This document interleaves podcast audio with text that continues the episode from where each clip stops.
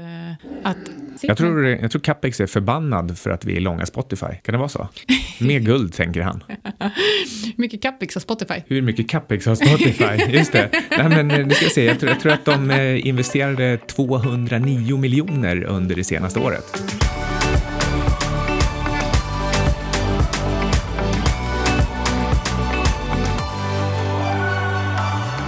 Hej, du lyssnar på Outsiders med Syding och Svan. Och Alexander Marton som borde ge sig själv en stor applåd. Ja, det är faktiskt en himla tur att vi har någon som eh, hanterar ljudet och alla andra roligheter. Idag ska vi gå igenom Spotifys senaste rapport. Och, eh, vi kommer först gå igenom rapporten i sig, titta lite på guidance för nästkommande år och eh, sen svara på några av de eh, frågor som vi fick in från er lyssnare på Twitter. En del ser ju oss som eh, permabjörnar, eller kanske särskilt mig, men det här är ju ett av bolagen i alla fall som eh, jag tycker lite extra mycket om. Är det ledningen du gillar? Ja, men faktiskt. Han är en fantastisk vd och det har jag ju sagt massor med gånger. Eh, det, jag bygger det på att lyckas driva fram ett sånt här bolag från den start det hade och i den konkurrens som det här faktiskt innebär och att knyta alla dessa avtal med musikindustrin. Det är en fantastisk bedrift. Ja, han är magisk. Men innan vi går in och faktiskt pratar om rapporten så har vi fått en annan lyssnarfråga som inte har med Spotify att göra. Så jag tänkte vi kunde prata lite om den. Ja, just det. Det är en person som undrar vad det kan bli för effekter och vad som är bäst att investera i om man är övertygad om att amerikanska centralbanken, alltså Federal Reserve eller Fed bara, om de tar ner räntan till noll. Precis, så frågan lyder, hej, jag undrar vad som är bäst att investera i om man är övertygad om att US Fed kommer att ta ner räntan till noll. Effekten på guld, dollar, aktier, fastigheter med mera. Och eh, så här är ju en tillgång som vi älskar, som det alltid är bra, som alltid är bra under eh, lågräntemiljöer och eh, framförallt under inflation, är ju guld. Så om man är övertygad om att Fed kommer dra ner räntan till noll så kan det vara bra att ha lite guld i sin portfölj. I jämförelse med antingen nollränta eller obligationer som har negativ ränta, då blir ju plötsligt guld en högavkastande tillgång åtminstone då med, jämfört med negativ ränta. Och eh, de senaste, jag tror det är sedan 2005 eller om det är sen ännu tidigare, så är snittavkastningen på guld i dollar 9,5 procent och i euro typ 11,4 procent. Så jag vet inte, hur mycket mer avkastning behöver du årligen för att kalla det för högavkastande? ja, men eh, poängen med att kalla det här för en egentligen nollavkastande tillgång, men som i jämförelse med negativt blir högavkastande, det är att guldet i sig skapar ingenting. Det blir inte fler gram guld. Anledningen till att guld har gett de här 10 procenten om året, det är ju förstås att man trycker pengar och att eh, ekonomin och mängden pengar blir, eh, blir större i så hög takt att när man ska fördela ut det här på alla tillgångar som existerar, ja, men då får också gulden en, en rejäl släng av sleven. Om man tittar på aktiesidan istället så skulle jag säga att kreditbolag eh, fortfarande har en hel del uppsida. Jag har ju köpt eh, både Amex, Mastercard och Visa nu nu. Eh, började med bara Amex men eh, gick eh, ganska, ganska nyligen in i även Mastercard och Visa också. Och eh, jag är ju som ni vet lite mer försiktig till aktier, har ungefär 45 procent av min portfölj viktad mot eh, amerikanska bolag och eh, resten i jordbruksråvaror och eh, ädelmetaller. Men ehm, så, så, jag skulle ändå säga att eh, det, kan finnas, eh, det kan finnas en anledning att, eh, att titta på, om man, om man nu vill äga bolag och vill hålla på med stockpicking så får man nog titta på enskilda sektorer och branscher. Men just kreditbolag är någonting som jag tycker är, är rätt intressant just nu. Um, jag håller med på ett sätt. Fastigheter, banker, ehm, som du säger, eh, kreditkortsbolag. Du sa också eh, eh, kreditbolag förstås, ehm, som, som Hoist och Intrum och sådana. Ehm, allting där man kan tro att det kanske ändå finns en lite inbyggd oro för att räntan på något sätt ska komma upp eller i USAs fall då ligga kvar på extremt höga 2% Om det då istället blir så att räntorna kommer ner, då så det blir ju lättare för kunderna att överleva. Och, eh, och då kan man snurra det här hjulet något extra varv och den mån som det har byggts in lite, lite oro över det här, eh, även om man kanske inte riktigt ser det på marknaden, så, så kan det ju fortsätta uppåt helt enkelt. Och det är ju också så här att om man tittar på kreditkortsbolagen så är ju spreaden mellan de, den ränta som kunderna får och den ränta, den faktiska räntan är ju rekordstor. Så det visar ju ganska tydligt på att kreditkortsbolagen faktiskt tar höjd för kommande kreditförluster och eh, också inser att risken är ganska hög just nu. Däremot så funderar jag lite på det här med fastigheter. För att det, ja, det känns väldigt enkelt att säga att om räntan går ner då kommer fler köpa fastigheter och kommer driva priserna. Men hur mycket mer kan priserna på fastigheter faktiskt drivas upp? Mm, det, det man eh, bland annat ska fundera över är ju förstås vilken typ av fastighetsbolag. Är det bostadsfastigheter eller är det kommersiella fastigheter? Och när det gäller kommersiella fastigheter då kanske den viktigaste faktorn är om eh, själva kunderna, alltså affärerna, butikerna, kontoren. Eh, hur dyrt är det för dem att betala hyra och, ränta eh, på, på lånen som de använt för att köpa de här fastigheterna? Och, och för fastighetsbolagen så är det ju också en fråga om får de beläggning ordentligt? Så, ehm, ehm, jag är lite försiktig med fastighetsbolag faktiskt. Mm, ehm, men nu har inte jag riktigt koll, men har inte fastighetsbolagen fallit ganska mycket? Jag vet faktiskt inte.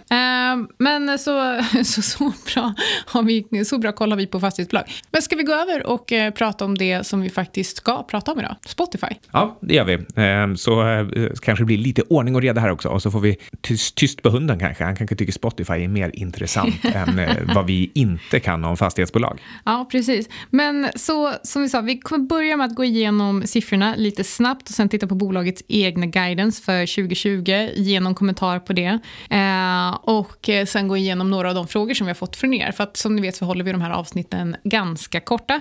Men eh, vi kan börja med att säga att eh, vi äger Spotify, vi är positiva till Spotify eh, och eh, har inte planerat att... Eh, att jag, tror, jag tror Capex är förbannad för att vi är långa Spotify. Kan det vara så? Mer guld, tänker han. Hur mycket Capex har Spotify? Hur mycket Capex har Spotify? Just det. Nej, men, nu ska jag, se. Jag, tror, jag tror att de investerade 209 miljoner under det senaste året. Är det ungefär Capex-värdering då? Ja, ingen aning om vad, vad capex är värderad till. inte så mycket. Du är rätt medellös capex. Men hur som helst, det, vi, det som är framförallt intressant med den här typen av tillväxtbolag och framförallt Spotify är ju framförallt användartill, användartillväxten och lite vad den beror på. Men sen så tycker jag också att det är rätt intressant att titta på bruttomarginalen för den är ganska låg jämfört med andra techbolag och eh, kommer vara fortsatt låg framöver. Men tidigare så har de själva kommunicerat att eh, de har en målsättning att hamna eh, kring 30 procent och där är de inte riktigt än och kommer inte komma nästa år heller. Nej, de ligger någonstans kring 25-26 procent och så guidar de väl till och med lite lägre än så för det kommande året. Men här kan man ju också fråga sig, är Spotify ett techbolag eller är det egentligen en radiokanal? Radio, radio. radio on internet. Men om vi tittar på monthly active users så ökade de med eh, typ 31 procent year on year från eh, fjärde kvartalet 2019 eh, jämfört med året innan. Och om man bara tittar på kvartalsvis så var det plus 9,2 procent. Så det är ganska, med tanke på hur stora de faktiskt är, så den användartillväxten är imponerande, tycker i alla fall jag. Och de har faktiskt upprätthållit en hög tillväxt år efter år. De har legat någonstans kring 29, nästan 30 procent per år i ett par, tre år va? Ja, men precis. Och nu går de ju från att inte bara syssla med musik utan investera mycket i podcastverksamheten och där har podcaststreamingen ökat med 200 year on year. Men, man, men det finns fortfarande väldigt mycket styrka att hämta för om man tittar på hur många av deras monthly active users som faktiskt använder och streamar podcast i appen så är det bara 16% Om jag bara ska gå tillbaka till den här kommentaren om radiokanal eller techbolag. Det enda intressanta för om du är ett eh, techbolag, om du ska ha den stämpeln eller inte, det är ju egentligen bara att det är en genväg till att fundera över om du, om du växer snabbt och eh, faktiskt kan få till ett, ett, ett ordentligt positivt kassaflöde. Och eh, det finns ju det gott om, om bolag i andra sektorer som inte har superhöga bruttomarginaler men som ändå tjänar massa pengar och för övrigt växer ganska fort. Ja, men eh, Spotify är inte riktigt där än. Um, nej, de, de gör ju faktiskt inga vinster får man väl kanske eh, säga. Nej, precis. Så, så bruttomarginalen räcker inte förbi de övriga kostnaderna i resultaträkning utvecklingen, alltså det är försäljning och marknadsföring och allt vad det nu är för någonting. Så, eh, så i, i slutändan så kommer du aldrig ner till en vinst och dessutom så, så vill man ju som aktieägare att du ska klara dig förbi posten investeringar också så att det blir ett positivt eh, nettokassaflöde. Men vad tycker du om, om siffrorna för, eh, rapport, eller för helåret 2019? Jag är ju bullish kan jag säga. Jag tycker både siffrorna för 2019 och 2020 ser bra ut. Jag är, jag är nöjd med leveransen. Jag tycker att det är ungefär vad man kunde ha förväntat sig, kanske till och med lite bättre. Eh, jag tycker att det är trevligt med den här satsningen på podcast. Den, den lovar ändå att de, de kan komma ut någonstans i slutändan om några år med ändå några procentenheters högre bruttomarginal. Jag, jag tycker det är rimligt att förvänta sig att de ska kunna ta sig från 25 till 30 procent över tid. Spotify levereras ju i Tesla-bilar också. ja, det är väl det enda som är riktigt, riktigt negativt med Spotify. Jättebra. Men, men annars så, så det blir, det blir jobbigt när den intäkten försvinner snart när Tesla går i konkurs. Jag drömde för övrigt att jag var och surfade med Elon Musk häromnatten. Hur gick det? Var han bra? Eh, ja, men han var så här lugn och väldigt chill och så förklarade han för mig väldigt långsamt att det är någon, någon som har hackat hans Twitterkonto. Han tycker det är lite lustigt så han orkar inte ta tillbaka det. Så att eh, det är egentligen inte han som är galen. Och när jag, när jag berättade det här för dig så trodde du att jag trodde att det var så.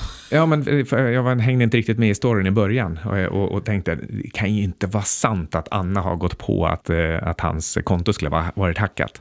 Ehm, men om jag ska ta bara en, en, en, liten kort fundering över värderingen kanske. Och det är ju givet de här siffrorna som vi har fått. Och om jag tittar på, jag, jag, jag tänker egentligen koncentrera mig på 2022, 2022. Det är tillräckligt nära för att det ska vara relevant. Mm. Och jag tycker att det, um, det året, då är Spotify rimligt värderat givet att bara nuvarande trender uh, ligger kvar. Så, och, och, och, vad det är för trender då, det är att ja, men, eh, intäkterna och MOU och lite de, de här liksom topline-talen, de faller sakta i tillväxt, alltså så, så, från 30 till 29 till 28 procent. Det känns som att det är ungefär där de har legat ett par år och det är ungefär vad de pratar om också och det, det ser rimligt ut.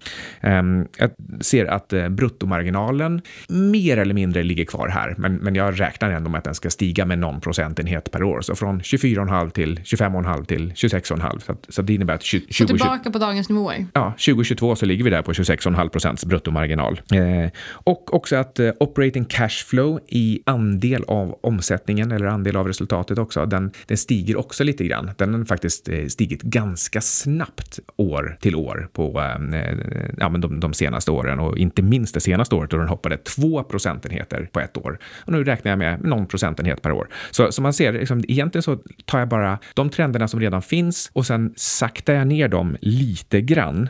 Då kommer man till till en plats 2022 som säger att vi har en, vi har en, en slags vinstmultipel, enterprise value, till eh, bruttovinst. Alltså det är ändå ganska högt upp, men, men då är den bara 6. Det är, det är lågt, men det är en liten konstig multipel, så man har liksom inte riktigt koll.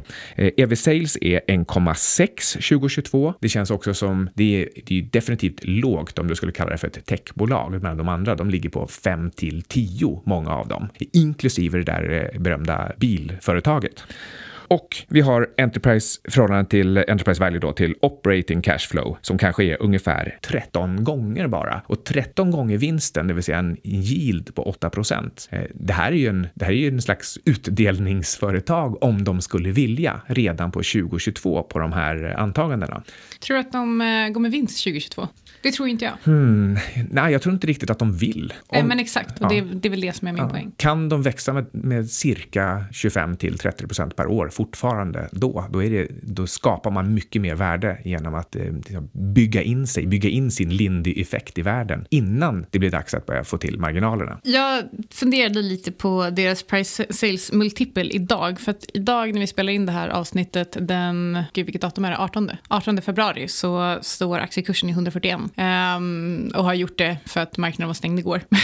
men de har en price sales multiple idag på 3,4 men den har legat mellan 2,9 6,2. Aktiekursen drog ju upp rätt högt där i början precis efter noteringen till 196 som högst tror jag. Och eh, jämförbara bolag, eh, om man nu vill kalla Tencent och Alphabet och eh, Apple för jämförbara bolag, kanske inte. Men de ligger någonstans mellan 6,6 och 8,7 så att någonstans kan man ju fundera på hur värderar man ett tillväxtbolag som Spotify, precis det som du du var inne på. Men jag tycker att det är rätt billigt på dagens nivåer men att det också går att förklara med de här låga marginalerna som vi ser idag. Och bara räknat på guidance på 2020 och också gäller att hålla eh, tungan i rätt mun när man tittar på eh, aktiekursen som är i dollar och all redovisning som är i euro. Du blev superförvirrad, även jag. För att när jag sagt och skrev anteckningar skrev jag ett eurotecken, då skrev jag 8,08 billion USD av någon anledning. Sen var jag helt sned när jag tittade på mina egna anteckningar. Jag bara, va? Det, det, och eftersom det ändå är 10% skillnad så blir man... Eh, det är lätt hänt att tro att eh, Spotify är 10% dyrare än vad de egentligen är eftersom just aktiekursen är i dollar och all redovisning är i euro. Ska jag säga som min pojkvän säger ibland, det är kanonpris. så, ehm, eh, nej men så, så, det är ju faktiskt bara EV-sales. De har ju till och med nettokassa. Så EV-sales är bara 2,6 på 2020-siffror och de blir nog svåra att, eh, att missa liksom, särskilt mycket. Men sammanfattningsvis är det ju egentligen, är egentligen svårt att ge fler kommentarer. Vi, vi är positiva, vi tycker att det är relativt billigt men vi förstår om det kommer fortsätta vara billigt ett tag framöver. Mm, man måste få något tydligt tecken på att det blir vinst. Ja, men precis. Men innan vi går över på några lyssnarfrågor frågor så vill vi säga grattis. Ja, eh, det är någon som fyller 21. Världens bästa vd. Genom alla tider och dimensioner. Daniel Ek fyller år idag, den ja. 21 februari. Idag, fredag 21 februari. Jajamän. Är det någon som vet vad han fyller? Eh... 37 kanske? Ja, han fyller 37 tror jag. Oklart. Nej, han eh, fyller nog 32. Men så hur som helst, grattis Daniel om du mot förmodan lyssnar på det här. Så här får du en låt som vi spelar från Spotify i några sekunder för vi inga rättigheter.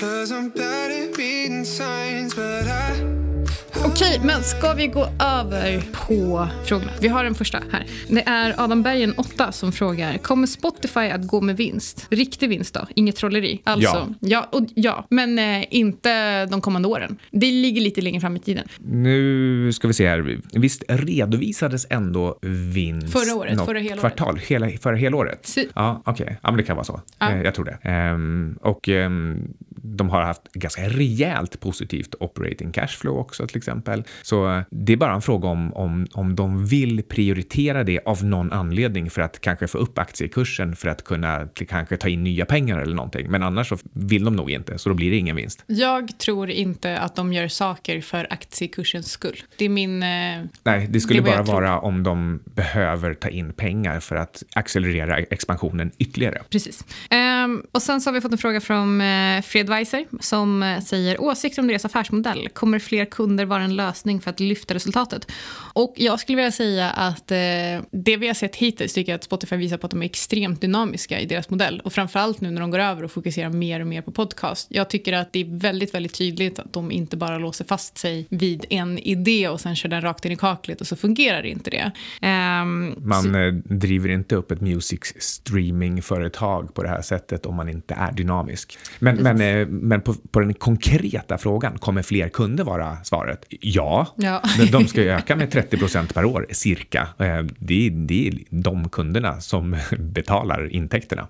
Sen skriver Zetamannen Enterprise Exit Price och då gick jag igenom, hämtade jag ut eh, min lista av transaktioner i Spotify och sen kom du och jag överens om att vi inte skulle läsa upp dem. Nej, det ser ut som om vi har hittat på en av de mest perfekta backtradesen man kan göra, så det är ingen idé. Ni kan bara vara lugna i att det var fantastiskt. It Nej. was beautiful. And that was beautiful.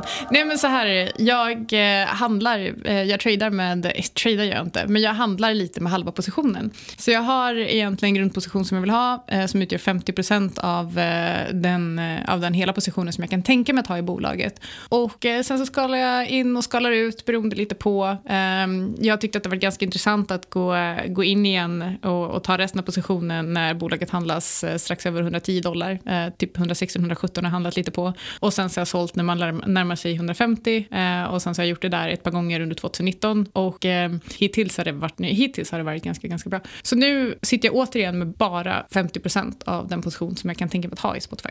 Det ehm, kanske största problemet eller största hindret mot vinst just här och nu och som många ofta tar upp, det är de här, eh, de här avgifterna till skivbolagen. Så eh, frågan är, vi har inte fått exakt den här frågan, men jag tänker att man kanske omtolkar frågan till hur, eh, hur kan man komma runt det här? Kan, kan den här avgiften i procent av intäkterna som man betalar till skivbolagen, kan den ändras på något sätt eller är det något annat sätt man ska få upp bruttomarginalen på? Podcasts. Så där är svaret. Precis. Och vad gäller den exakta siffran och vad det finns för troligt intervall och om den är offentlig eller inte, det, det är inte super, det är inte kritiskt. Frågan är snarare hur ska man få upp bruttomarginalen totalt sett? Och där är svaret eget innehåll och podcasts. Precis. Och eh, sen undrar Johan Hazel, han skriver bra eller anus är väl vad man vill veta. Aktiekursen har ju stagnerat och verkar inte riktigt orka ta nästa steg. Långsiktig keeper eller get out. Och eh, jag tycker att det är fortfarande billigt men att det kan dröja några år innan den faktiska potentialen prisas in i aktiekursen. Och eh, som jag har sagt flera gånger i det här avsnittet, så länge vi har låga marginaler så kommer nog multiplarna att vara fortsatt relativt låga. Och det är också just därför en av anledningarna till att jag handlar med halva positionen. Helt klart en eh, långsiktig keeper, men eftersom eh, det blir svårt utifrån att veta vid vilket kvartal de plötsligt väljer att kanske ändra strategi lite grann och fokusera på vinst, kanske till och med då utdelningar. Eh, I det, i det läget, då kommer man få, få se en helt annan typ av investering. Det är en, en, en investering med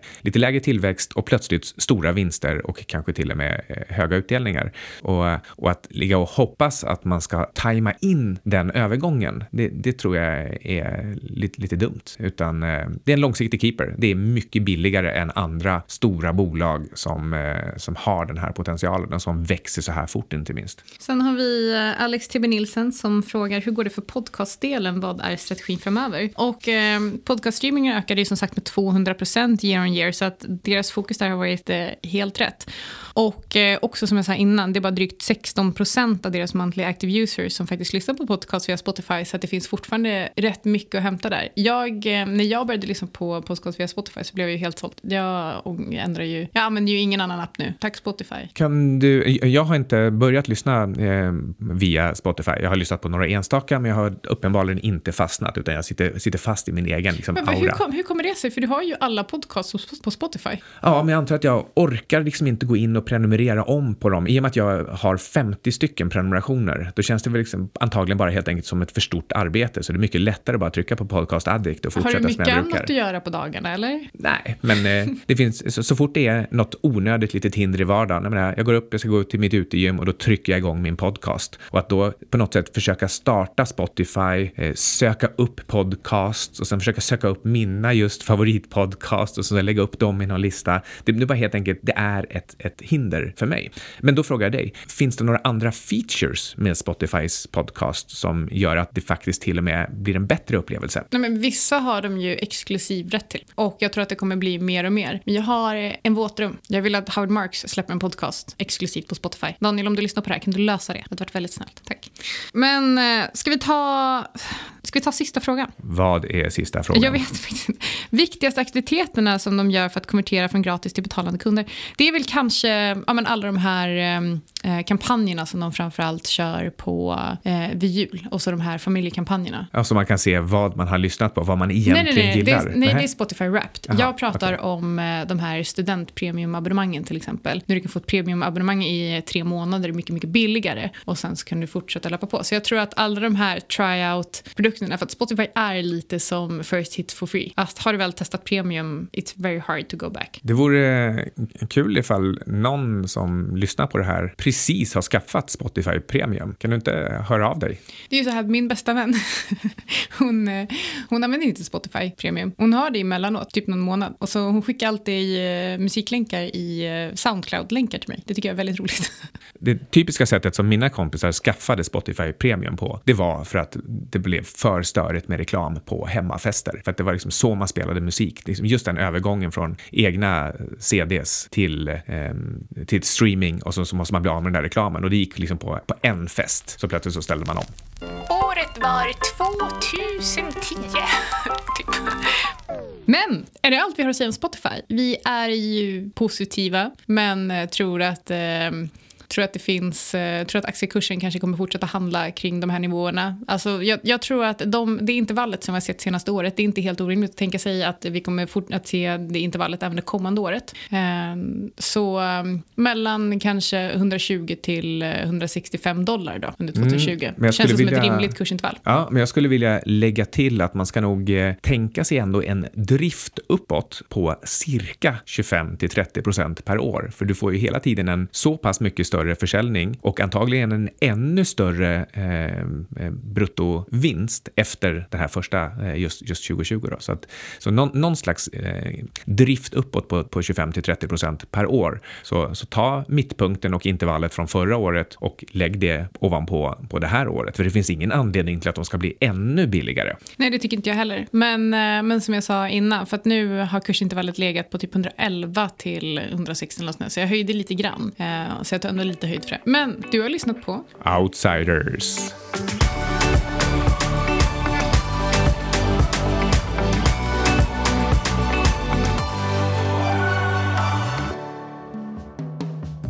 Ingenting som du har hört i uh, Outsiders har varit någon typ av uh, rekommendation. Så hur du än gör, försök inte få det till en rekommendation heller, utan alla placeringar är förknippade med risk som gör att du kan förlora hela eller delar av ditt kapital. Vi äger emellanåt uh, vissa av tillgångarna som vi diskuterar i den här podcasten och våra sponsorer tar inget som helst ansvar för hur du handlar i de tillgångarna. Podcasten är menad för information och underhållning hållning, även om vi förstås själva gör så gott vi kan när vi tittar på de olika tillgångarna. Och vill man veta mer så kan man gå in på sygcap.com eller på sydingsvan.com för att signa upp sig på vårt nyhetsbrev som vi skickar ut varje söndag. Hej då.